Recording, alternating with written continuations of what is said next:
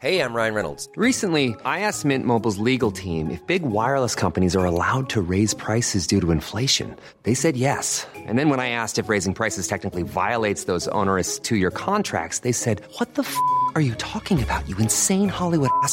F- So to recap, we're cutting the price of Mint Unlimited from $30 a month to just $15 a month. Give it a try at mintmobile.com slash switch. $45 upfront for three months plus taxes and fees. Promo rate for new customers for limited time. Unlimited more than 40 gigabytes per month. Slows. Full terms at mintmobile.com. I'm Sandra, and I'm just the professional your small business was looking for. But you didn't hire me because you didn't use LinkedIn jobs. LinkedIn has professionals you can't find anywhere else, including those who aren't actively looking for a new job but might be open to the perfect role, like me. In a given month, over 70% of LinkedIn users don't visit other leading job sites. So if you're not looking on LinkedIn, you'll miss out on great candidates like Sandra. Start hiring professionals like a professional. Post your free job on linkedin.com/people today. This is Paige, the co-host of Giggly Squad, and I want to tell you about a company that I've been loving, Olive and June. Olive and June gives you everything that you need for a salon quality manicure in one box. And if you break it down, it really comes out to $2 a manicure, which is absolutely insane. It's also so easy to get salon worthy nails at home with Olive and June. The difference between how your nails used to look when you did them yourself and now with the Manny system is a complete game changer. The best thing about Olive and June too is it's a quick dry. Dries in about one minute, lasts for five days, and full coverage in up to one to two coats. Visit oliveandjune.com slash perfectmani20 for 20% off your first system. That's oliveandjune.com slash perfectmani20 for 20% off your first system. I can discuss some of the psychological aspects of the case. You've got to get a hold of yourself. Now look here, Johnson, I'm going to get to the bottom of this. I can discuss some of the psychological aspects of the case. And you're really crazy, you know that? Oh, yes, I remember that. Is this any concern of yours? Er psykolog Sondre Livre her. Diagnosen er dessverre svært alvorlig. Det viser seg at alt du tenker og føler er feil. Du må for all del ikke stole på hjernen din, den lyver. Alt du opplever er filtrert via nevroser fra ubevisste avkroker. Hvis du følger nøye med, er det en liten mulighet for at jeg kan hjelpe deg. I've discussed some of the I've discussed some of the I've discussed some of the psychological aspects of the case. Well, I'm just losing my mind, that's all.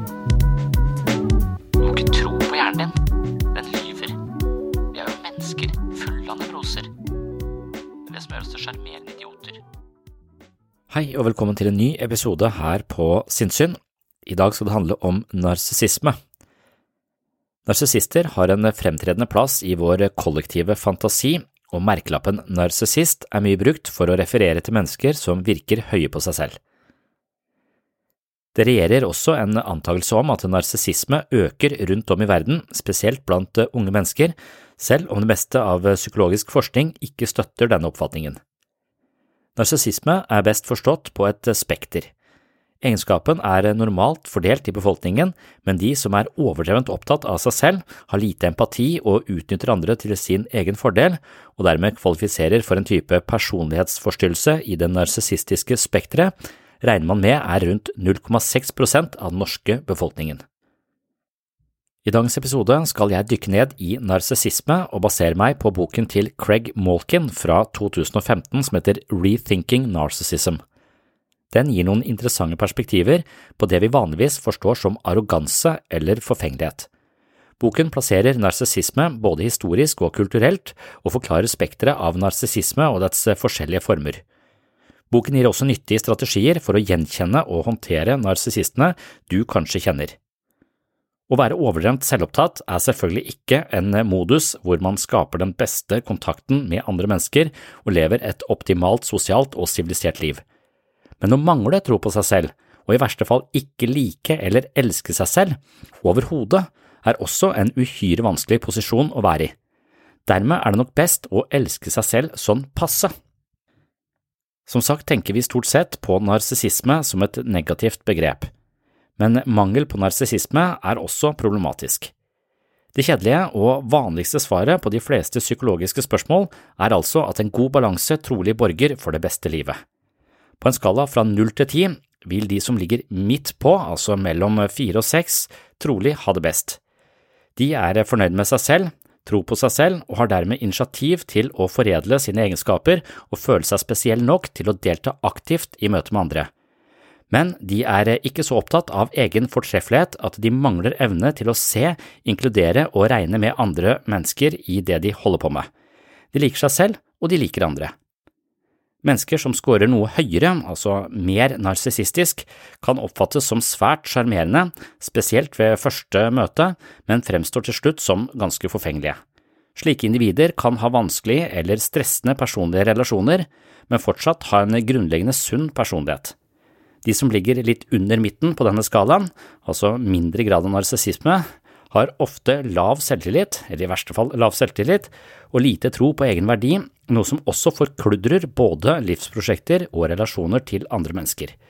Så hvis du, altså, hvis du er lav på denne skalaen vi skal se på litt senere i denne episoden, denne narsissismeskalaen, så betyr det at du har litt lave tanker om deg selv, du er ikke så glad i deg selv, du har kanskje aldri lært å elske deg selv, for det kan hende at noen andre må elske oss for at vi skal forstå at vi selv er verdifulle. Og hvis vi ikke har lært å elske oss selv, så tror jeg ikke vi kjenner vår egen verdi, og da blir det også vanskelig å inngå i relasjoner til andre mennesker, og det blir i det hele tatt vanskelig å engasjere seg i noe som helst fordi man har lite tro på at man er kompetent, er, har verdi og det hele tatt er verdt å stå opp om morgenen, i verste fall hvis du er veldig lav på denne narsissismeskalaen. Så dette her, det blir tema for denne episoden på Sinnsyn. Er du blant de som synes tematikken er interessant og gjerne vil høre mer, så har jeg laget en episode til om narsissisme på min Patron-konto. På Patron kan du abonnere på Sinnsyns mentale treningsstudio, og som abonnent av Sinnsyn får du tilgang til masse ekstra episoder av Sinnsyn, videoforedrag, bøkene mine som lydbøker, meditasjonsveiledning og mye mer. Hvis du melder deg inn nå for å dykke videre ned i eh, narsissismens eh, psykologi, så kan du bla deg frem til premiumkatalogen på Patron og finne episode 72 som heter Elsk deg selv sånn passe.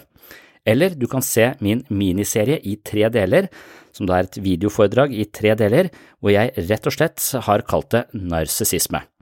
Det finner du også inne på patron.com forslags sinnssyn. Ellers vil jeg bare takke deg for at du hører på Sinnsyn, og hvis du liker dette prosjektet og finner verdi her, så hadde jeg satt stor pris på om du stakk innom mitt mentale treningsstudio for å skaffe deg et abonnement. Ellers skal du nå være velkommen til et dypdykk i narsissismens skjøre landskap. Vi blir sittende på nett, i hvert fall ut i januar. Det er det vi vet, kanskje lenger. Så i tillegg til alt det andre vi strir med, så skal vi da få, få sånn digital fatigue, som det kalles. Det vi sliter med på nett her, er jo at hjernen bruker sjukt mye energi på å prøve å kode hvordan andre oppfatter det man sier. Så alt det som går på automatikk når vi møtes face to face, det forsvinner litt eh, her sånn, og derfor så jobber hjernen visstnok mye hardere. Sånn at eh, det gjør oss mer slitne av å være på den eh, typen plattformer som det er sånn. Så jeg tenker kanskje det er litt ja, at det kan ligne asperger, nesten. Da. At, vi, at de sosiale kodene som vi kanskje plukker opp av automatikk, de forsvinner litt i dette, dette fora. Så vi må jobbe ganske mye Hjernen må jobbe mye mer for å holde fokus og finne ut hva som foregår. Det er kanskje ikke så mye i denne gruppa, det er vanskelig å ta ordet her, men kanskje spesielt i terapigruppene hvor man virkelig trenger å vite hvordan det man sier, faller ned hos noen andre. Og så er det dette med at vi har bildet av oss sjøl øverst til høyre, det kan man eh, ta vekk. For det viser seg også at det, det gjør oss eh, ganske mye mer slitne i løpet av en time. For det er nesten umulig for oss å ikke kikke opp på oss sjøl innimellom. Og det drenerer også hjernen for en del energi. Så det er mulig å fjerne bildet av seg sjøl hvis man trykker på det øverste høyre der. For det er også en unaturlig ting i en samtale at man hele tiden ser seg selv. Det ville være rart i den virkelige verden hvis noen gikk rundt med et speil og, og speila det. Da risikerer man kanskje å bli forelsket i sitt eget speilbilde, som er, eh, som er temaet i dag, narsissisme. Historien om narsissus som eh, ble betatt av seg sjøl. Kanskje i hvert fall konsentrere oss om eh, tematikken som er rundt dette med selvberettigelse, eller eh, problematikk i den sånn type narsissistiske spekteret. og kanskje med utgangspunkt i eh, Aristoteles, som, eh, som spør hvem bør man elske høyest, seg selv eller andre? Og det grubla han mye på. Og han konkluderte med at det var viktigst å elske seg selv høyest. Hvis du spør Buddha om det samme, eller spurte Buddha, så, så ville nok han sagt at selvet er jo en illusjon, så det er ikke noe å elske, så det er mye viktigere å elske andre. Så folk har litt forskjellige svar på det spørsmålet der, da. Hvem bør man elske høyest, seg selv eller andre? Narsissisme kan du forstå som en sånn type kjærlighet til, til, seg selv. Og for Freud så var det en sånn veldig viktig del av utviklinga, egentlig. Det var en nødvendig del av utviklinga. Så barnet kom inn i en fase hvor det, hvor det ble ja, 'fall in love with uh, yourself', skriver han da, i en artikkel fra 1914. Så rett og slett bli forelska i seg selv. Jeg syns kanskje ikke vi hadde brukt de samme ordene, men rett og slett bare å oppdage sin egen verdi, da. For han mente at det var helt avgjørende for å kunne skape relasjoner til andre mennesker at vi først lærte å elske oss selv. Så uten denne forelskelsen så ville vi rett og slett ikke forstå vår egen betydning. Så lenge vi ikke skjønner at vi har en betydning, en verdi, så vil det være vanskelig og veldig problematisk å skape relasjoner til andre mennesker. Så for, eh, for Freud så var da narsissisme en totalt naturlig del av eh, menneskets utvikling. Men utover det så hadde han, eh, han mente det var noe vi skulle gjennom og lære, og utover det så hadde han et ganske sånn pessimistisk syn på mennesket, fordi han mente jo at vi var fortrinnsvis driftet av seksuelle og aggressive impulser. Og Det blir kritisert senere, spesielt da med Kohut, som er sånn postfreudianer, kjent for selvpsykologien, som mente at eh, vi ikke bare var drevet av behovet for å utvikle, eller for, eh, av, drevet av eh, sex, og aggresjon, men at vi også var motivert av behovet for å utvikle et sunt selvbilde. Så all den kjærligheten, all den støtten, all den bekreftelsen som vi kan få fra andre, den er med på å gi oss en følelse av å være spesielle og betydningsfulle. Og det er da utgangspunktet for et godt selvbilde og god selvtillit. Så det er den vanlige psykologiske forståelsen av hvordan vi lærer å kjenne oss selv, og hvordan det er helt avgjørende at vi forstår at vi har en verdi. For hvis vi ikke forstår at vi har en, har en verdi, så kan vi få veldig mange relasjonelle problemer opp igjennom livet. Og Koht snakket om dette tripolare selvet, som vi har vært innom eh, Det er kanskje en stund siden jeg snakket om det, men han mente at selvet har tre poler som alle må være oppfylt. Så når det kommer til narsissisme, så er det spesielt det han kalte den grandiose polen, som er det behovet barnet har for å bli beundra og rosa og anerkjent og elsket. Og hvis du får, blir elsket, så vil du få påfyll i denne grandiose polen, og da, du, da har du god, et godt utgangspunkt hvis du ikke blir elsket eller føler deg forlatt eller oversett og ignorert og kritisert, så, så kan du mangle noe der, og så kan du gå gjennom livet i en sånn konstant kamp da, for å få akkurat den anerkjennelsen eller det du føler du må ha for å være et verdig menneske. Du tviler på din egen, egen verdi og kjemper ekstremt hardt for å få den kjærligheten. Det er det vi kanskje tenker på som narsissisten, som veldig selvopptatt og veldig opptatt av andres beundring og anerkjennelse. Må ha det påfyllet. Problemet er hvis man i utgangspunktet trenger det fra de man har den næreste forbindelsen til når man vokser opp, og ikke får det derfra, så kan det være at det andres bidrag ikke veier så tungt, eller bare renner rett igjennom, og da blir du en slags bekreftelsesnarkoman, da, hvor du kanskje føler det litt godt i øyeblikket når noen applauderer deg, men så har de ikke noe sted å bo, den applausen, så den bare renner gjennom deg. Så, så, du må bare ha ny applaus, ny applaus, ny applaus, eller ny partner, ny partner, mer bekreftelse, mer bekreftelse. Det er et veldig sånn slitsomt livsløp, da. Hvor, eh, hvor, alt det du ikke fikk, det søker du å få, men det, det, har ikke noe sted å bo i der, rett og slett, for du har ikke lært å elske deg selv. Da. Så det er kanskje i den grandiose Polen at Koht eh, altså mangler i den grandiose polen kan skape en form for narsissistisk eh, problematikk senere i livet. Men så mente jo Koht at vi hadde andre viktige elementer også, og det er den idealiserte polen. Som eh, handlet om først den grandiose, jeg må vite at jeg er fantastisk, og det må du fortelle meg. Og så eh, skal jeg synes at du er helt fantastisk. Og siden du er helt fantastisk, og du hører til meg, så er jeg også litt fantastisk. Så den idealiserte polen den handler om at vi trenger forbilder. Vi, vi, trenger noen å se opp til, vi trenger noen som tar vare på oss, vi trenger veiledere. Så uten tydelige, gode veiledere, folk vi kan eh, se opp til, da fortrinnsvis omsorgspersonene våre, det er de som installerer si, verdier, eh, ambisjoner, eh, noe å strekke seg etter. Så, så det er en viktig, en viktig del av, eh, av, utviklingen, det er også den idealiserte polen i selve.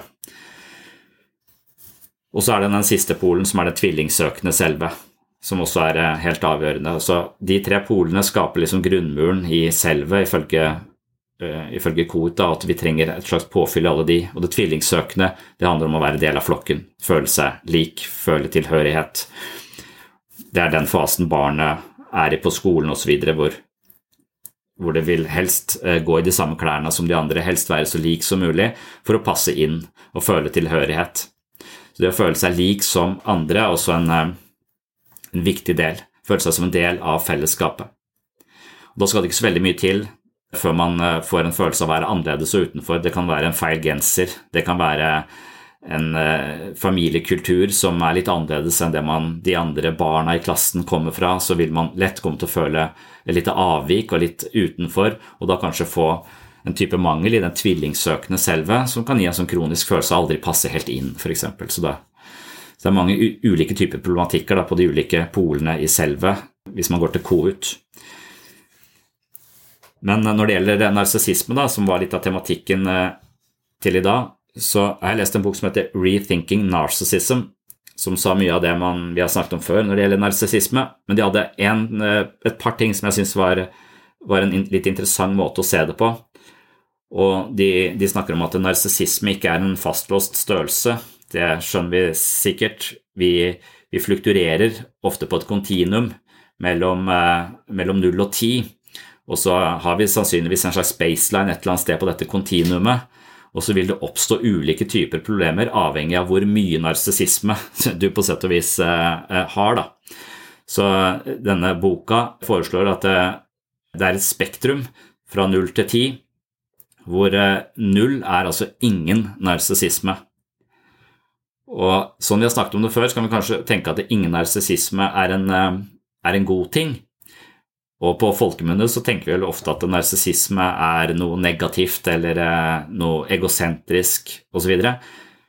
Men eh, i Rethinking Narcissism da, så mener jeg at eh, narsissisme er en helt altavgjørende del av et menneske. Og hvis du har null, så er du virkelig ille ute. Så null i narsissisme betyr en person som lever totalt avholdende da, for andres bekreftelser. De har rett og slett ikke noe behov for å føle seg spesiell og anerkjent.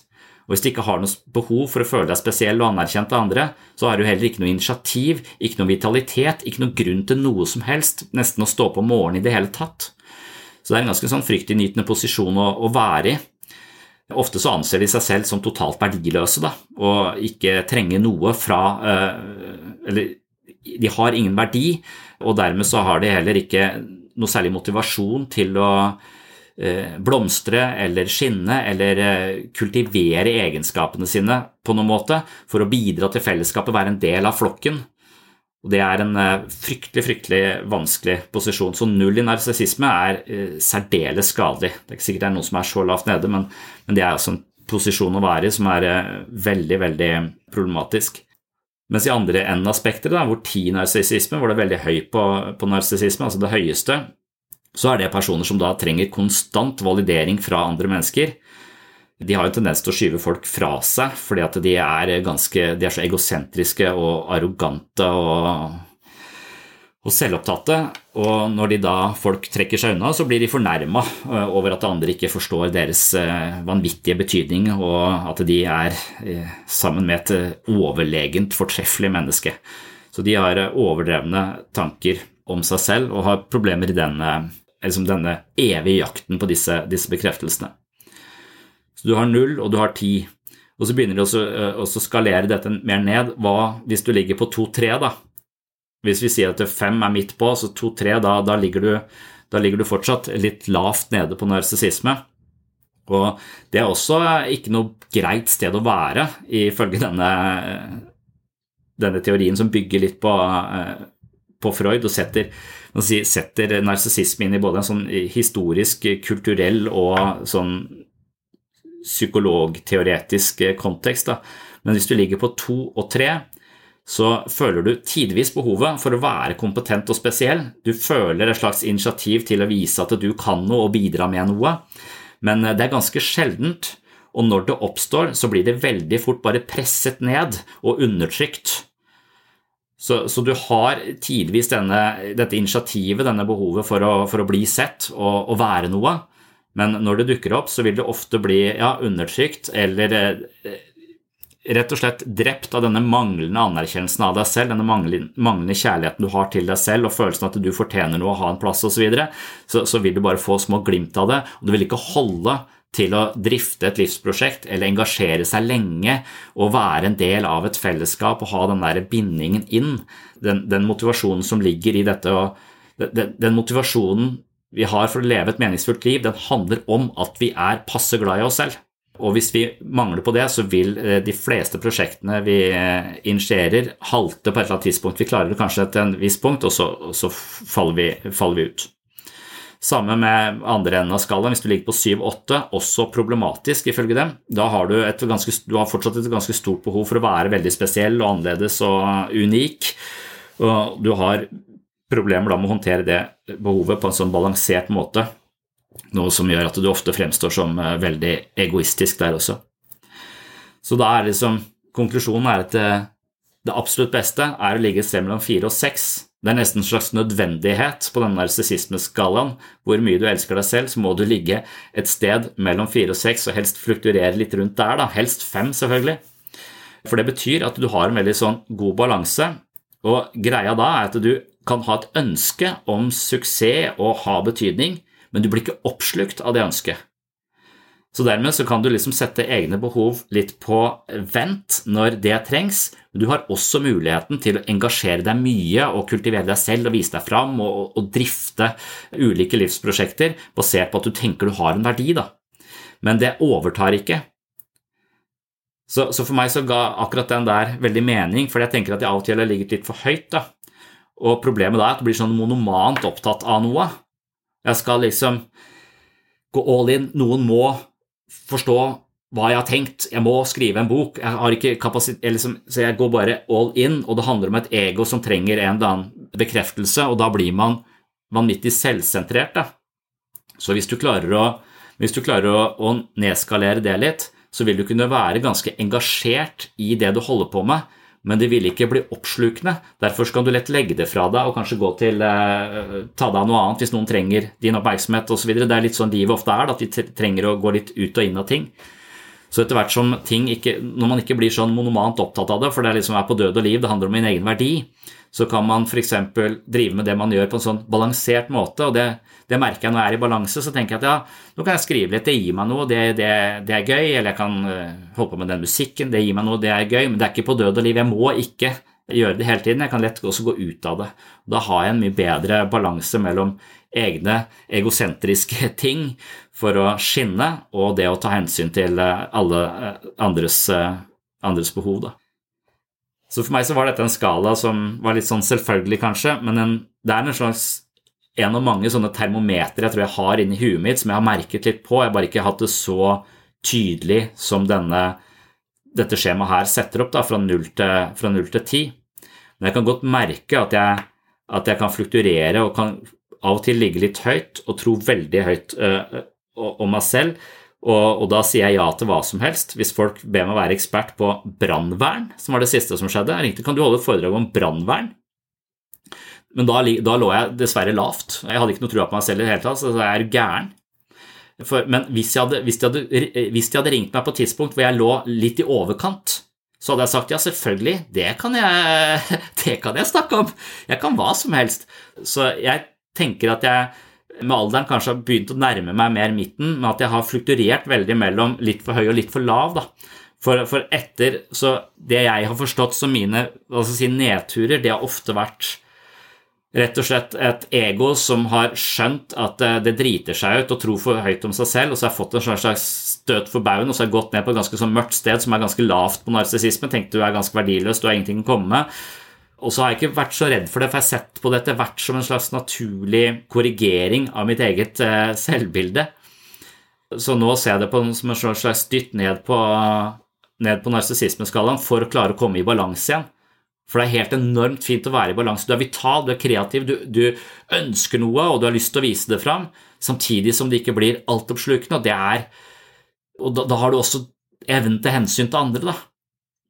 Så det er nok en sånn balansegang da, som jeg tenker eh, representerer livskunsten, på sett og vis. da.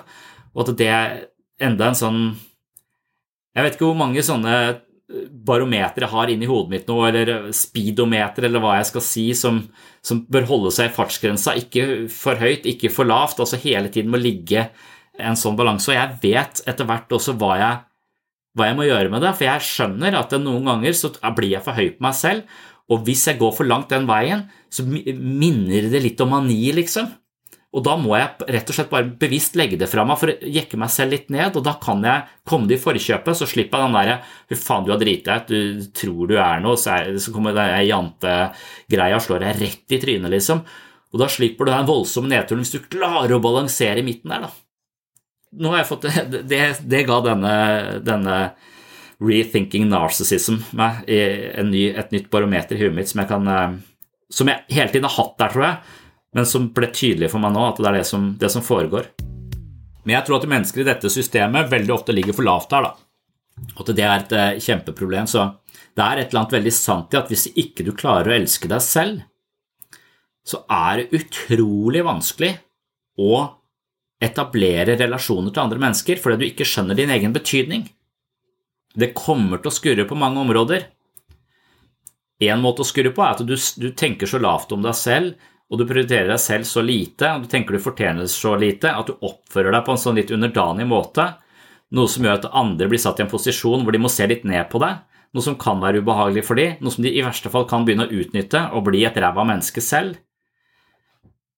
Så, så, så lenge du ikke har den passe selv, selvrespekten, så vil enhver relasjon bli vanskelig. Og Derfor så, så, så, tror jeg ikke folk skjønner hvor viktig det er å elske seg selv. det er så mange mennesker som vi møter her, som ikke gjør det, og som tenker på det som egoistisk eller negativt, eller altså den der ideen om at vi har at narsissisme er negativt. En passe grad av narsissisme er det beste for deg sjøl og alle andre du møter på din vei. Så det å tenke at jeg ikke fortjener jeg ikke, altså det, er, det, er, virkelig en, en grøft, altså. Så hvis noen tenker at det å være selvopptatt eller ta hensyn til seg selv er eh, en negativ ting, så bør de rethink narcissism. Og noen ganger, noen faser i livet, så kan det være veldig bra å ligge litt høyt. Du får gjort jævla mye mer hvis du ligger høyt. Da kan du tjene masse penger på å holde kurs i brannvern uten at eneste studiepoeng i brannvern. Og jeg tror som tenåring f.eks., så tror jeg det er ganske viktig å ligge litt høyt snarere enn å ligge litt lavt. For når du da skal f.eks. flytte hjemmefra, ut i livet, ut av redet, ut i ditt eget Det å ha litt overdreven høy tro på seg selv, det tror jeg er ganske viktig for, for å lykkes. Når jeg tenker tilbake på når jeg flytta hjemmefra, og hvordan jeg gikk rundt i Thailand uten sko i fire måneder, så tenker jeg Fy faen, jeg må jo tro jeg var udødelig med alt det idiotien jeg holdt på med. Altså, at jeg lever, syns jeg er utrolig. Men jeg, ikke, jeg, trodde ikke jeg kunne dø. Jeg var helt konge. Jeg var helt i rå. Det er et mirakel at jeg ikke egentlig enda sitter i et eller annet fengsel i Thailand. Ja, ja. ja, ja. Jeg, var der jeg følte lå en dødsangst under eh, både meg selv og alle de andre jeg møtte i Thailand der, som sto på stranda med fakler, liksom. Og livet er helt fantastisk. Er du sikker på det? For hvis du kjører disse, disse, vitalitetspanelene, altså hva som gir mening i livet, som du må skru opp og ned, og hvis du kobler dette til denne narsissisme-fartsmåleren, så vil lav på narsissisme gi lite guffe i alle knappene på panelet ditt. Så, så uten narsissismespaken, hvor du kan justere den litt opp for å få litt guffe i livsprosjektene dine, så, så, så vil ethvert prosjekt være litt spakt. De vil ikke gi noe særlig kraft, da. Want flexibility? Take yoga. Want flexibility with your health insurance? Check out United Healthcare Insurance Plans. Underwritten by Golden Rule Insurance Company, they offer flexible, budget friendly medical, dental, and vision coverage that may be right for you. More at uh1.com. Hey, it's Paige DeSorbo from Giggly Squad. High quality fashion without the price tag? Say hello to Quince. I'm snagging high end essentials like cozy cashmere sweaters, sleek leather jackets, fine jewelry, and so much more. With Quince being 50 to 80% less than similar brands. And they partner with factories that prioritize safe, ethical, and responsible manufacturing. I love that. Luxury quality within reach. Go to quince.com slash style to get free shipping and 365 day returns on your next order. Quince.com slash style. This is Paige, the co-host of Giggly Squad, and I want to tell you about a company that I've been loving, Olive and June. Olive and June gives you everything that you need for a salon quality manicure in one box. And if you break it down, it really comes out to $2 a manicure, which is absolutely insane. It's also so easy to get salon worthy nails at home with Olive and June. The difference between how your nails used to look when you did them yourself and now with the Manny system is a complete game changer. The best thing about Olive and June too is it's a quick dry. Dries in about one minute, lasts for five days, and full coverage in up to one to two coats. Visit oliveandjune.com slash perfectmanny20 for 20% off your first system. That's oliveandjune.com slash perfectmanny20 for 20% off your first system.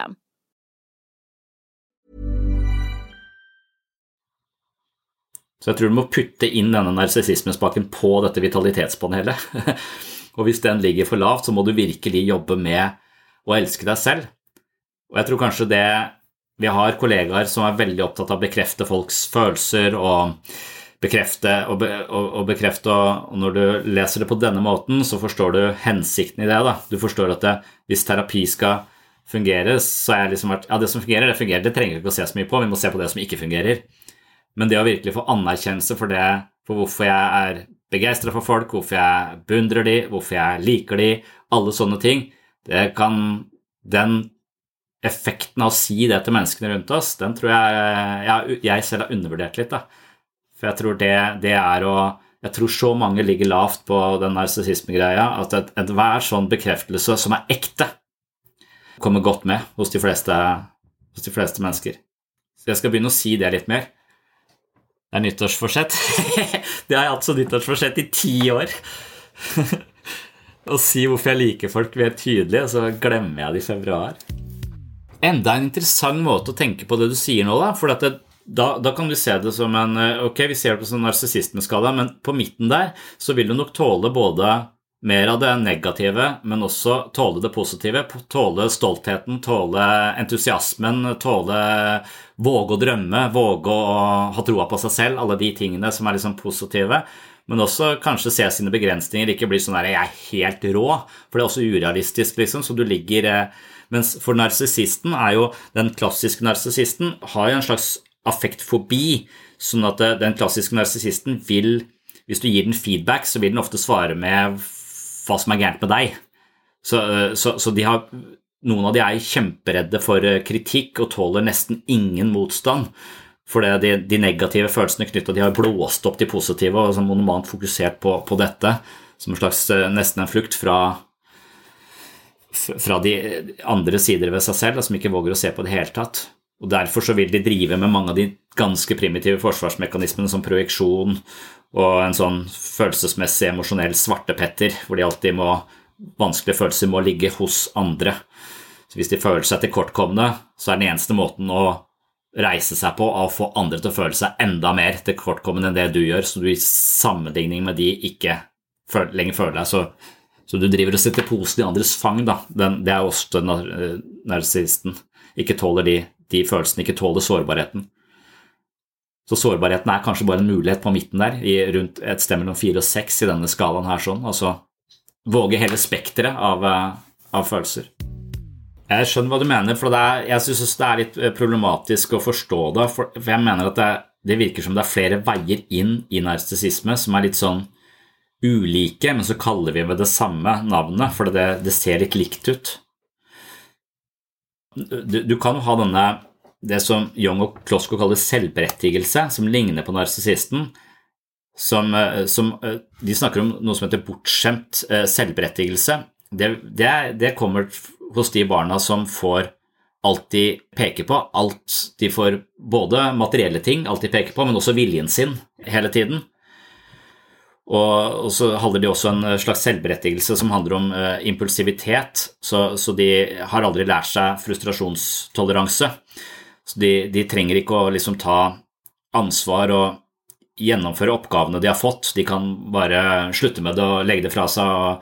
Litt sånn som barna mine hele tiden prøver på. for Nå vil ikke det mer, når jeg har prøvd det. Og så plutselig har vi vært på ti forskjellige fritidsaktiviteter fordi de får lov til å begynne, og så gå der to ganger, og så slutte, og så begynne på noe nytt. Så, så det, er også, det, er også, en sånn type hvor, hvor jeg, jeg, tenker at jeg ikke trenger å ta hensyn til andres, uh, andres behov, det er bare mine behov. Og det, en, annen, en, annen, variant av det er det de kaller avhengig selvberettigelse, som er der foreldrene lar barna fråtse på måter som gjør at barna blir avhengig av dem. Eh, så foreldrene kan ta på seg barnas daglige ansvar, avgjørelser og vanskelige oppgaver, så de liksom overtar for, for barnet. Så det, er liksom sånn, det det kan seiles inn Det blir egentlig veldig avhengig, og det er vant til å få, ja, bli sydd puter under armene på. Da. Så denne selvberettigelsen er jo en, en slags sånn hva skal man si, hvis, hvis man tenker at narsissisme i den forstand er at det, sunn utvikling handler om mindre narsissisme uh, av denne overdrevne jeg, det er mitt perspektiv som er det viktigste, så, så vil det gå fra at du, du vil si at du blir mindre og mindre narsissistisk og mer og mer balansert i det du inntar stadig flere perspektiver. Så det vil si at jeg klarer å tenke meg og mitt, men så skjønner jeg også at oi, den personen som tilfredsstiller mine behov, den har også sine behov, som jeg etter hvert må ta hensyn til. Det er det som er så fantastisk med, med, den eldste dattera mi, f.eks., at jeg ser at hun, hun er ikke bare opptatt av sine egne behov lenger, hun er også opptatt av våre behov, noe som gjør at hun hjelper til på en helt annen måte, eh, og kan regnes med på en helt annen måte. Man kan være takknemlig overfor det hun gjør. Det, så, så hun evnen til å etter hvert som du blir eldre, så klarer de å innta flere og flere perspektiver. De klarer å se saken fra flere og flere ståsteder. Og det er jo en, det er sånn et sivilisert menneske blir til. da. Men hvis vi ikke lærer at andre har sine behov, og at det er våre behov som alltid er viktigst, så blir vi vans en vanskelig person å ha med å gjøre. Og det kan jo bli et ganske ufordragelig og ensom tilværelse. De, så, så, det er jo én vei inn i narsissismen, eh, tenker jeg. At du, du har aldri lært å tenke på andres behov og dermed så fremstår du som veldig usympatisk og egosentrisk. Mens den andre, andre varianten er mer sånn under Altså, du, du, du, mangler noe. Hvis du ser til da, du mangler noe. Du mangler en slags forståelse for at du er verdifull.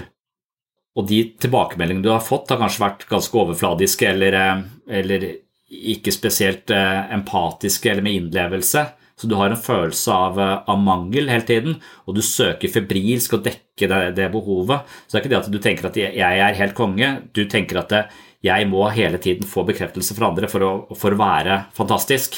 Så du blir eh, du, du, søker den tilfredsstillelsen hos andre hele tiden, som ikke høres ut som du har blitt bortskjemt, høres ut som du har fått, fått for lite av noe. Jeg tror jeg kan godt kjenne meg igjen en blanding av uh, veldig lav og, og, og delvis høy. Men, men, jeg lurer på om uttrykket er forskjellig. Og Det er også noe som står i denne eh, boka. De, de, de sier at det er tre typer narsissisme, eller de kommer til uttrykk på tre forskjellige måter. Og Jeg vet ikke om det kaster lys over det du sier, men, men det kan kanskje ligne, for de, de sier at det er eh, du, du, har den ekstroverte, de kaller det den eh, sånn utagerende narsissisten, som parkerer Porscha midt i veien og tar på seg finstasen på et litt sånn casual møte. Så at de, de, hele tiden skal drive en sånn type show-off, det er det, det, vi, det vi kanskje tradisjonelt sett tenker på. Sånne veldig eh, Enten de skal vise utseende eller status eller talenter eller hva det skal være, så liksom vil de markere seg i enhver situasjon. da. Og fordi at de hele tiden higer etter denne anerkjennelsen og ser hvor konge jeg er. Det er den, De kaller den ekstroverte narsissisten. Nå sier de det en annen variant av det, er den introverte narsissisten. Som eh, ikke er prangende fordi vedkommende er livredd for kritikk og derfor vil unngå all oppmerksomhet. Så der koker det mer inni de, på en måte. For deres, i deres indre univers så er det en sånn tanke om at jeg er jo helt overlegen, og det er jævla irriterende at det finnes så mange dumme mennesker som ikke forstår dette eh, og, og skjønner dette. Eh, så, så de, de, sier ikke noe om hvordan de, de, de, er ikke prangende, men de går rundt og koker på at folk ikke skjønner hvor, hvor gode de er. Så det er mer den introverte De kaller det den introverte narsissisten. Og jeg tenker man kan Personlig kan jeg kjenne igjen begge, begge deler, og så, og så tenker jeg etter hvert som man langsomt etablerer mer tro på seg selv, så er balansen muligheten her. da, Balansen mellom å ikke hele tiden hige etter dette og så si at jeg, jeg, kan mye, men det at folk ikke ser det, det er kanskje greit. Jeg kan kanskje eie dette selv. Jeg kan gi meg selv den bekreftelsen jeg trenger på at dette er, dette er jeg fornøyd med. Og jeg trenger ikke å, å vise det fram. Og hvis du har den muligheten, så har du jo så er du ikke avhengig av andres eh, denne desperate jakten, liksom. Så, så det er nok en slags modningsprosess i det også. Og så snakker de om en siste form for narsissisme, som de kaller communial narcissist. Jeg vet ikke hvordan jeg skal oversette det, men det, den eh, vi også, er vi også kjent med, og det er den eh, personen som eh, Det er ikke så lett å oppdage, og det er ikke så lett å merke det, men hvis du har møtt de som er litt sånn i overkant opptatt av alt de gjør for andre folk Det, det kaller de den communal narcissist. Så disse er omst dette er de menneskene som er opptatt av å fremstille seg selv som givere, og anser at de er mer omsorgsfulle, mer forståelsesfulle, mer veldedige og mer sjenerøse enn andre mennesker. Så de, de, plasserer seg selv på en pidestall, gir seg selv en glorie for det minste ting de kan gjøre for andre mennesker, og de nevner det hele tiden, hva de har gjort. Og, og, og, Så de er veldig opptatt av å, å, å fremstå som veldig altruistiske og, givende. Så, så det, det, kaller de det communal narcissist. Jeg vet ikke hvordan det skal oversettes, eh, men, eh, men det, det, de har vært på radaren min når jeg har vært i sånne menigheter. For jeg tenker det er jo, det er jo folk ikke sant? Det er jo folk i menigheter som eh, har Jesus som sitt forbilde, har, elsker seg selv på en passe måte og bruker mye av sin energi på finne, på å skaffe mat til folk som mangler det. Og da er det gjort av en type overskudd og kjærlighet, tenker jeg. Men så har du en hel haug av de folka også, ikke en hel haug altså Det er noen som driver med akkurat det samme, veldedigheten, men som gjør det for å skinne, for å score poeng, for å vise hvor, hvor fantastisk veldedige de er. da. Og da tenker jeg at det, For meg så er det litt sånn two-face, at det er litt irriterende. Men så skjønner jeg ikke helt hvorfor jeg skal synes det er irriterende. For rent pragmatisk sett så gjør de jo akkurat det samme i den virkelige verden. De hjelper andre mennesker med å hente mat dit. Bare at det kommer ikke fra en sånn genuin overskudd og kjærlighet, det kommer fra et underskudd. Og det er kanskje bare litt trist for de. Altså, det er litt synd for de at det kommer derfor at de, de har dette behovet for å, for å, være disse prektige folka. da. Og da tenker jeg kanskje at uh, istedenfor å bli irritert på de, så burde jo jeg bare anerkjenne de enda mer enn de jeg ser føler, da. For dette er jo helt umulig. De gjør akkurat det samme, så hvor det kommer fra, det vet man jo. Strengt talt ikke, men man har en magefølelse på hvor det kommer fra. ikke sant? Man plukker det opp på et eller annet nivå når du, når du har disse ja, og du, merker det kanskje hvor mye de skryter av, hvor mye de nevner. De kaller det snikskryt, kanskje. Bisetting av hvor mye godt jeg gjør i denne, denne verden. Men kan du ikke tenke seg at det du snakket om i stad, at du har en slags impuls om å tenke at det, Ikke nødvendigvis du, men at vi mennesker kan ha en impuls om å tenke at det, Faen, jeg har jævla mye egentlig å komme med. Jeg har egentlig mange, uh, mange ting, men så, uh, så kommer de små glimt uten at det, du stoler 100% på det. Så for at det skulle komme til overflaten eller finne sitt uttrykk, så trenger det andres anerkjennelse og bekreftelse. Trenger, du trenger å du trenger hjelp til å bære denne tingen frem i livet. på en måte, og Hvis ikke du får det, og du ikke heller tør å vise det frem, så er det ingen som står der til å hjelpe deg å bære, og at du da ligger typisk på to-tre. At du har glimt av at ja, jeg kan være bra, men så har du en slags magnet som trekker deg ned. Ja, men Det er sikkert ikke bra nok, folk bryr seg sikkert ikke. det er sikkert ikke, eh, du har sikkert ikke noe, Så, så det, egentlig så er det bare et uttrykk for litt lav. For det, Lav er jo også innslag av at eh, jeg er jo egentlig ganske flink til det. Eller jeg kan jo sånn, Det er en slags snev av gryende tro på sin egen kompetanse og suksess og verdighet da, som, som menneske, men blir lett undertrykt, som det står. Jeg syns det er mest sympatisk å ligge der, da. For det er så jævla usympatisk, føler jeg, når jeg ligger over. Det er, det er så skamfullt å ligge over, eh, godt over fem, da, på seks-syv, liksom. Så, så, så den, den, For å risikere å liksom våge å stå fram og være og skinne på en eller annen måte, og du har en tendens, og du kjenner også godt åssen det er rett under femmeren, ned på tre-fire, så, så er du Du har lagt deg selv laglig til for hugg, på en eller annen måte. Så, så, det er det der å klare å holde driven i noe fordi du tenker at du har noe å komme med, samtidig som du ikke går så høyt opp at du skammen spiser deg opp. Eller gå så høyt at du aldri har skam, da. Hvis du bare er der oppe hele tiden, så er du monomant opptatt av at jeg er fantastisk, og du undertrykker alt det, det andre. Så du er ikke i kontakt med den lave delen av skalaen. Det er der det er der i verste fall for en narsissistisk personlighetsforstyrrelse, da, som er 0,6% av befolkningen, ifølge ICD-10 og diagnosemanualen. Ja, så frykten for å være noe, den Det er kanskje det de kalte for Jonah-komplekset. Eller frykten for sin egen storhet, eller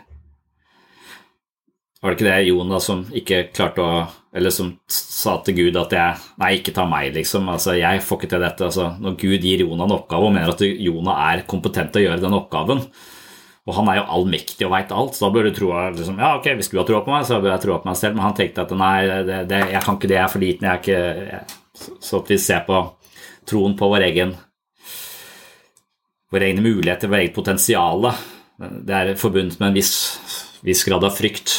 Det kalles for Jonah-komplekset. Det er fordi Jonah da sannsynligvis lå på 2-3 på, på denne narsissismeskalaen, ikke sant. Gud burde tatt en som lå på 7-8. Da er det bare five up med Gud og bare gjør det med en gang. Ikke noe stress. Det var også litt snakk om hvordan, hvordan oppstår narsissisme. Vi har jo snakket litt om det, men uh, i boka så er det to sånne eksempler. En som heter Jane, og hun uh, vokste opp sier de, med nøkterne foreldre som var liksom opptatt av beina på jorda da, og ikke være for stolte over det man får til. Og så fikk hun liksom sånn eh, Du skulle være nøysom og, og moderat på alle mulige måter. Du skal Litt sånn jantelovaktig, du skal ikke tro du er noe. Og hun fikk stadig høre at det, det, er, det, er, farlig å ha for mange drømmer, for da blir du bare skuffa. Så det var liksom eh, en slags gjennomgående mantra da, i hennes oppvekst. og og sånn den boka beskriver det, så vokser hun opp og ligger lavt på narsissismeskalaen. Veldig lite troa på seg selv, sluttet å drømme om noe som helst. Ambisjoner og livskraft og vitalitet dør litt ut der, for du, du, skal ikke tro du er noe, type ting. Og, og får da et ganske problematisk uh, liv på, på, langt nede på, på, skalaen. Og så snakker de om Shad, kanskje ikke tilfeldig, men uh, som hadde foreldre som roste han opp i skyene og mente at han kunne bli hva som helst. Han var liksom den fødte stjernen. Eh, problemet de skriver om der, er at den rosen den var litt sånn eh, tom og uten innlevelse og empati fra foreldrene, så han fikk bare masse, masse tilbakemeldinger hele tiden. Men eh, kanskje litt sånn som vi en slags fordom vi har mot amerikanere, at veldig mye av det de sier, er bare floskler og klisjeer, på en måte. De ikke har noe særlig betydning det kan ha en betydning, men at det, det, er bare ting som du bare lirer av deg. på en måte, Og at det, hvis det ikke er noe innhold, hvis det ikke er forankra den tilbakemeldingen du gir til andre, så, så, blir det overfladisk. Og som de beskriver Shad, så vokser han opp og blir en ganske overfladisk, ganske upålitelig og, og, ganske arrogant og litt sånn trist karakter. Da. Så det tenker jeg kanskje litt på at, at denne holdningen man tilstreber f.eks. i gruppeterapi, da, om å kjenne etter og prøve å liksom Altså ikke bare si noe for å si noe, men prøve å kjenne etter at det du sier er mest mulig ekte. Vel vitende om at alt du tenker og føler er feil, men likevel, det er sånn det føles nå i en, i en ekte tilbakemelding, istedenfor å gi veldig raske tilbakemeldinger. Nei, men det trenger jeg ikke å tenke på. Nei, sånn er jo ikke du. Nei, det er de som er idioter. Altså, det er veldig ofte folk i gruppeterapi sier sånne ting som jeg hører er bare fortrøstningsfulle, men de kan jo ikke vite det. Altså, de sier ja, men det er moren din som er helt ute å kjøre. Altså, det veit du ikke. for det, det, kan godt være at dette, dette er bare én side av saken. Men det er hun som er helt ute å kjøre, og moren er helt på stell. Altså, så vi, vi, kan ikke vite, vite dette. Men så, sånne overfladiske, raske tilbakemeldinger, det, det kan kanskje eh, risikere at folk blir litt sånn eh, oppblåste, men at de ikke har noe særlig innhold. Og at du da får denne litt tomme narsissisten som hele tiden trenger nye sånne bekreftelser. Og det syns jeg kanskje selv er litt lett da, i hverdagen til barn og sånn, og så bare Å, det var en fin tegning. Og så at jeg nesten ikke engang ser på den. Jeg skal, jeg skal prøve å slutte litt med å, med å si ting som jeg veit jeg må si. Og så hvis jeg først skal gi en tilbakemelding på tegning, så skal jeg prøve å se på den. Ofte så er ikke de tegningene så veldig fine når de er så ganske små, men det er veldig lett å bare finne ut her er det lagt mye arbeid, her er det brukt lang tid, her er det brukt fine farger, her er de stolte. Det er veldig mye jeg kan, eh, kan elske ved den tegningen hvis jeg bare tar meg tid til det. Men det krever bare litt mer enn å bare si ja, den var fin, jeg må lage middag. Eller på fotballkamp og drive og heie fram alt mulig faenskap som ikke er verdt å heie på i det hele tatt. Altså. Du får stående applaus for, eh, for et innkast som er tatt feil, bare fordi du klarte å kaste ballen. Altså, vi, kan, vi kan ligge litt sånn overfladisk, overfladisk til det. Så det å være, prøve å være litt til stede og ekte, da, det tror jeg kanskje er eh, ekstremt eh, viktig. Både i terapi, men også liksom i møte med andre andre mennesker, og kanskje spesielt i barneoppdragelse. Det er der jeg får denne konflikten mellom hvordan jeg burde være det, burde være med hensyn til alle de bøkene jeg har lest, og hvordan jeg egentlig er. For, jeg, for jeg kan jo da fake det som pedagogikken sier at jeg bør si og skal være, men så lenge jeg ikke er på det stedet i det hele tatt, så vil det bli en sånn, føler jeg, sånn tom tilbakemelding. Tomme ord. At jeg har blitt et kopimenneske kopimenneske de har fra den her eh, Snøsøsteren, som jeg leser hver jul for barna mine. Har du lest den? Men jeg husker ikke navnet på forfatteren, men Lisa Ayasato eller et eller annet. Hun tegner, en veldig sånn kjent tegner. Og Snøsøsteren, den, der er det en gutt som har mista søstera si, Juni, og så har hun en annen søster som heter Augusta. og De har mista søsteren, og foreldrene har eh, blitt bare helt oppslukt i sorgen, orker ikke å tenke på det, vil ikke ha det med det å gjøre, og han er bekymra for at det ikke blir jul, for de er så lei seg. Og han sier at han har fått kopiforeldre. Så det er foreldre som gjør alt det samme som de pleier å gjøre. Han får matpakka, de sier de samme tingene, og det er fint, eh, ha en fin dag på skolen. De sier alt det samme, da, men de sier det på, som roboter. Så han kaller det kopiforeldre. Og Jeg skjønner det begrepet. Jeg skjønner at, jeg altså, at jo mer stressa du er, jo mer fanga du er av deg sjøl, jo mer kopiforelder blir du, liksom. Og hvis du virkelig har mye å tenke på, så kanskje du må være kopiforelder i store deler av eh, Det er en veldig trist, eh, men veldig fin, eh, fin bok. Det er sånn 24 kapitler, hvert kapittel for hver, hver dag liksom i jula. Hva heter hun tegneren igjen? Lisa Ayasato, eller Aya Aitato? Ok. Mm. Maja Lunde er det, ja. Mm. For Det er hele tiden balansen mellom det derre Hvis du kommer for høyt, så, så, så, er du såpass eh, selvsentrert at eh, kapasiteten til å se andre blir så mye mindre.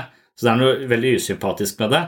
Men samtidig så er det noe veldig vitalt, drivkraftig Altså, du, du, du Alex Rosén, da.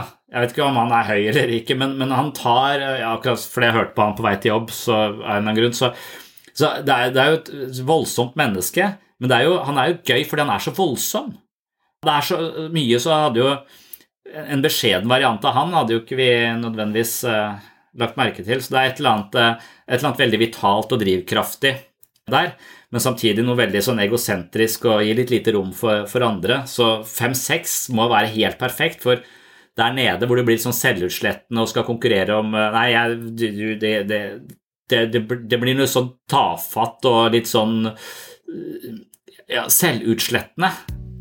Så når jeg sånn på fleip kaller folk for psykopater, så, så, er det Psykopater er nok noe annet, tror jeg, enn narsissisme. Sånn, sånn, sett. Så, så, psykopater er bare et ord jeg bare kaster rundt meg uten egentlig at jeg refererer til hva det egentlig betyr. Men da vil jeg si at det finnes Altså, Psykopatene er i begge det ender. Det, det, er kun på midten du ikke er psykopat i min, eh, i, i min bok. da.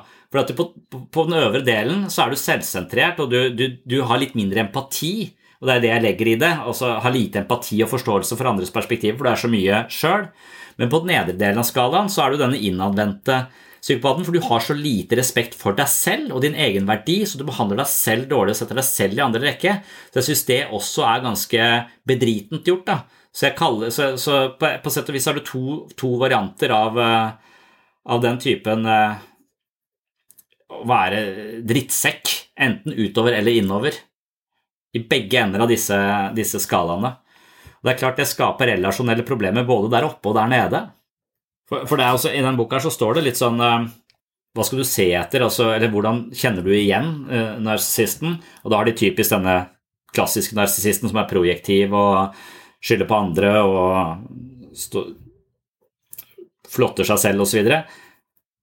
Men så, så, så, tenker man også det, det, det er ikke En narsissist kan ikke være det samme som en psykopat, for av og til så tenker man at en psykopat ikke har kapasiteten for empati i det hele tatt, eller i hvert fall ikke en slags emosjonell innlevelse som de tar hensyn til. De kan kanskje forstå andre menneskers følelser intellektuelt, men de vil utnytte de, så de har ikke denne moralfølelsen, på sett og vis. Men, men en studie fra, fra, et eller annet universitet i Surrey og Southampton viser at eh, de, de har tatt masse folk som scorer høyt på narsissismeskalaen, typisk disse som sykler, og så har de satt de foran en, en film hvor noen beskriver eh, hvordan de følte seg under et overgrep eller en eller annen jævlig vanskelig situasjon hvor de beskriver hvor redde de var, hvor hjelpeløse de følte seg, hvordan de hatt det i etterkant. Og så måler de på alle mulige sånne parametere på svette og på hjerte osv. Og, og det viser seg at de som scorer høyt på narsissisme, reagerer sånn som oss andre, eller kanskje jeg er høyt oppe, så de reagerer med empati. De reagerer, de blir opprørt av historien de blir servert, på en sånn måte at det virker som om de tar det følelsesmessig innover seg og reagerer på det. Tilsvarende det vi vil si en empatisk innlevelse. Så da er liksom rådet, konklusjonen i denne boka, hvordan skal du håndtere en narsissist hvis du f.eks. lever med en narsissist? Og da vise sårbarhet er, er svaret. Tilbake til Brené Brown, på en måte. Våge å være sårbar. For hvis du synliggjør din sårbarhet, så vil du kunne etablere den empatien, og du kunne potensielt sett hjulpet denne syv-åtteren til å jekke seg ned til en sekser ved å våge å være sårbar selv. Men naturlig nok så gjør vi det motsatte i møte med den type narsissister. For det å vise seg sårbar i en gjeng med folk som er helt rå og, og, og på en måte seiler høyt der oppe, det å komme inn der og vise seg sårbar, det er totalt kontraintuitivt. Det er jo ingen som tenker at det er det lure å gjøre i denne, i denne situasjonen. Så veldig ofte så vil vi da bare ta oss sammen og prøve å fake at vi er litt sterkere enn det vi føler oss, f.eks. Noe som eh, forsterker problemet av relasjonen. Så hvis du lever med en narsissist, f.eks., så, så er rådet deres da at du må være sårbar. Jævlig urettferdig, på en måte. Men det er vel hvis du har et sånn Hva kan du gjøre med problematikken? Men i idrett generelt så er det sikkert kjempe så Du er nok nødt til å være eh, godt i øvre del av skalaen for, for, å, for å, klare å etablere. Ja. Så, så, Magnus Carlsen som, Jula er jo sjakk for meg. Jeg ser jo sjakk hele tiden hele jula, og jeg elsker det. Men nå gjorde ikke Magnus det så bra som han har pleid å gjøre. Og nesten du kan se kroppsspråket hans, hvor han ligger på denne skalaen også. For jeg tror hans fordel alltid har vært at han ligger ganske høyt. Han har enorm troa på seg selv, og uansett hvem han møter, så føler han seg ikke liten. han føler seg, Men hvis han begynner å tvile bitte lite grann på sin egen kompetanse, så vil han bli helt lik de andre, og da vil han vinne og tape litt om, om hverandre. Men hvis han ligger veldig høyt, så vil, det er det som gjør at han alltid vinner.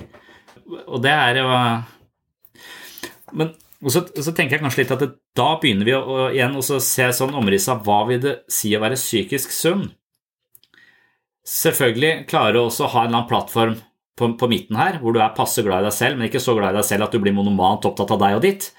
Men, men, men at du også, kanskje enda sunnere, kan flukturere litt med, med vilje på denne skalaen. At du kan bli litt mer ydmyk når det trengs, og bli litt mer høy på deg sjøl når det trengs. Sånn at psykisk lidelse vil kanskje være å være fastlåst på, i, i disse på alle disse kontinuumene eller, eller, skalaene som vi har sett på, så, så, vil det å være ganske fastlåst på ett sted og ikke klare å ikke være et dynamisk menneske. da. Så det, det, å være psykisk frisk er kanskje å være fleksibel, eller, eller, ha det best mulig vil være å være så fleksibel som mulig, kunne flukturere så mye som mulig. For, for jeg merker at jeg, når jeg virkelig når det virkelig stopper for meg, uten at jeg tenker at jeg er noe klinisk deprimert eller noe, at det går lang tid, så er det fordi at jeg sitter fast, liksom. Jeg klarer ikke å bevege meg verken opp eller Jeg sitter fast. Eh, og det er lite muligheter for bevegelse. Så da er det greit nok at jeg av og til føler at jeg er totalt verdiløs, og at jeg er helt uh, konge, men at jeg også til, langsomt begynner å ha litt kontroll på hva jeg må etablere for å Hvis jeg skal gjøre noe som er litt ekstra Hvis jeg skulle løpt da, eller sykla eller gjort en eller annen idrettsprestasjon som jeg virkelig bare pressa meg sjøl opp på en sånn roa, eh, det tror jeg ikke hadde klart, kanskje, men, men bare foran litt sånne vanskelige ting du skal gjøre, så bør du kanskje klare å Ja. Så det å være i bevegelse på alle disse skalaene og vite litt hva du kan gjøre for å balansere det, det, det tror jeg er liksom den uh, psykologiske vedlikeholdet man må gjøre uh, i, i, livet sitt. Og da hjelper det meg litt å ha et sånn bilde av det. At uh, ja, det er det, det er det speedometeret der som går på selvfølelse, det er det speedometeret som går på narsissisme. De må jeg koble til vitalitetspanelet. Plutselig så er jeg en, en maskin. Det er en slags metafor da, på, på, finne balanser. Det er vel kjedelig svar på alle spørsmål i psykologi at det, at det er balansen som er det, det, det, riktige, eller det beste. Så det er Utfordringen for folk med hensyn til denne problematikken da, er jo da å finne ut av hvordan kan jeg etablere en sekser og en sjuer i livet mitt innimellom når det trengs, for å ha troa på at man har vært noe, man kan noe, man kan få til altså For å rett og slett sjøsette det potensialet man egentlig man har på et eller annet område. Ja, det var det jeg hadde om uh, narsissister for uh, denne gang. Som sagt så tenker vi jo stort sett på narsissisme som et negativt begrep, men mangel på narsissisme er jo også da problematisk, som vi har sett i dagens uh, episode. Når man eh, virkelig altså sliter med sterke narsissistiske trekk og tendenser, så kvalifiserer man for diagnosen narsissistisk personlighetsforstyrrelse. Dette er ikke en diagnose man opererer med i Norge, men eh, karakteristikkene ligner det vi kaller dyssosial personlighetsforstyrrelse, og som sagt så antar man at rundt 0,6% av den norske befolkningen befinner seg i dette spekteret, altså alvorlig selvopptatt på et nivå som begrenser eh, relasjoner eller evnen til sosial fungering.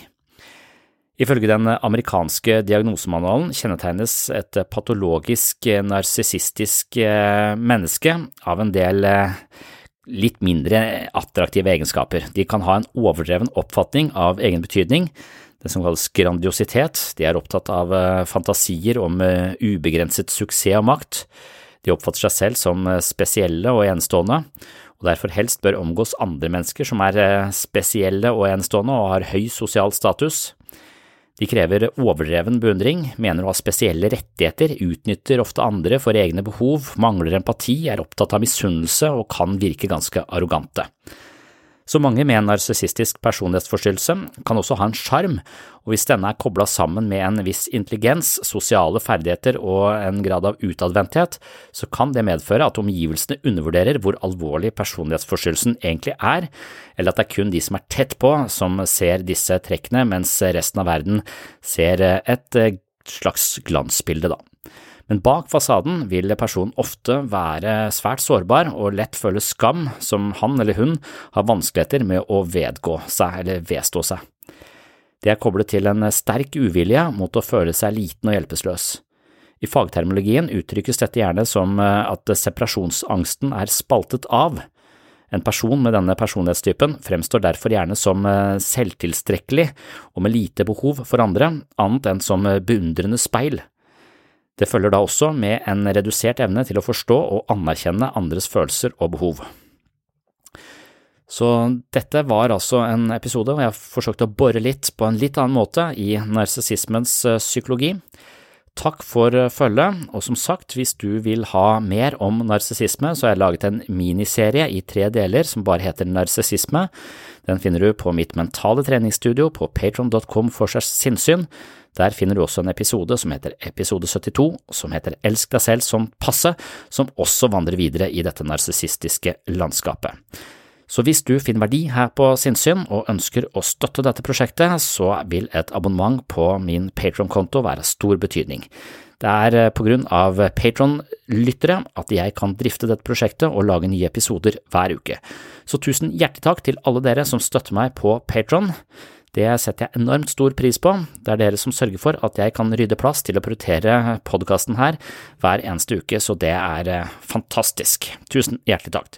Men hvis du eh, ikke har økonomiske midler til å støtte prosjektet, så er det også helt, helt greit. Mitt mål er å spre kunnskap om psykisk helse til så mange som mulig, og da må det ikke være noe som jeg skal gjemme bak en betalingsmur hele tiden, så jeg mener at alt det viktigste jeg sier, og det jeg selv tenker er viktig om psykisk helse, det skal ligge her på den åpne podkasten, og det kan man da benytte seg av i den grad man får noe ut av det. Så dette med Patron, det er for de som finner litt som har muligheten til å støtte prosjektet, finner verdi her, og da som takk for støtten får en del ekstramateriale i form av flere episoder, lydbøker, meditasjonsveiledning, videoforedrag osv. Takk for nå, og på gjenhør i neste episode. Oh, I'm just losing my mind, that's all.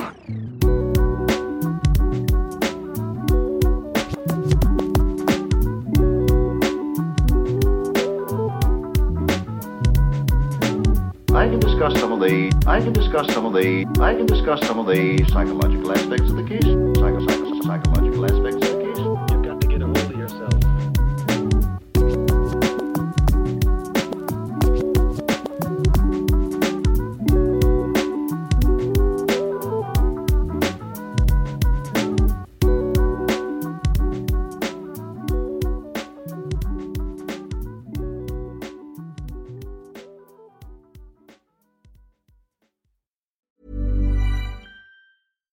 deserves the best, and there's no better place to shop for Mother's Day than Whole Foods Market. They're your destination for unbeatable savings, from premium gifts to show-stopping flowers and irresistible desserts. Start by saving 33% with Prime on all body care and candles. Then get a 15-stem bunch of tulips for just $9.99 each with Prime. Round out Mom's menu with festive rosé, irresistible berry chantilly cake, and more special treats. Come celebrate Mother's Day at Whole Foods Market.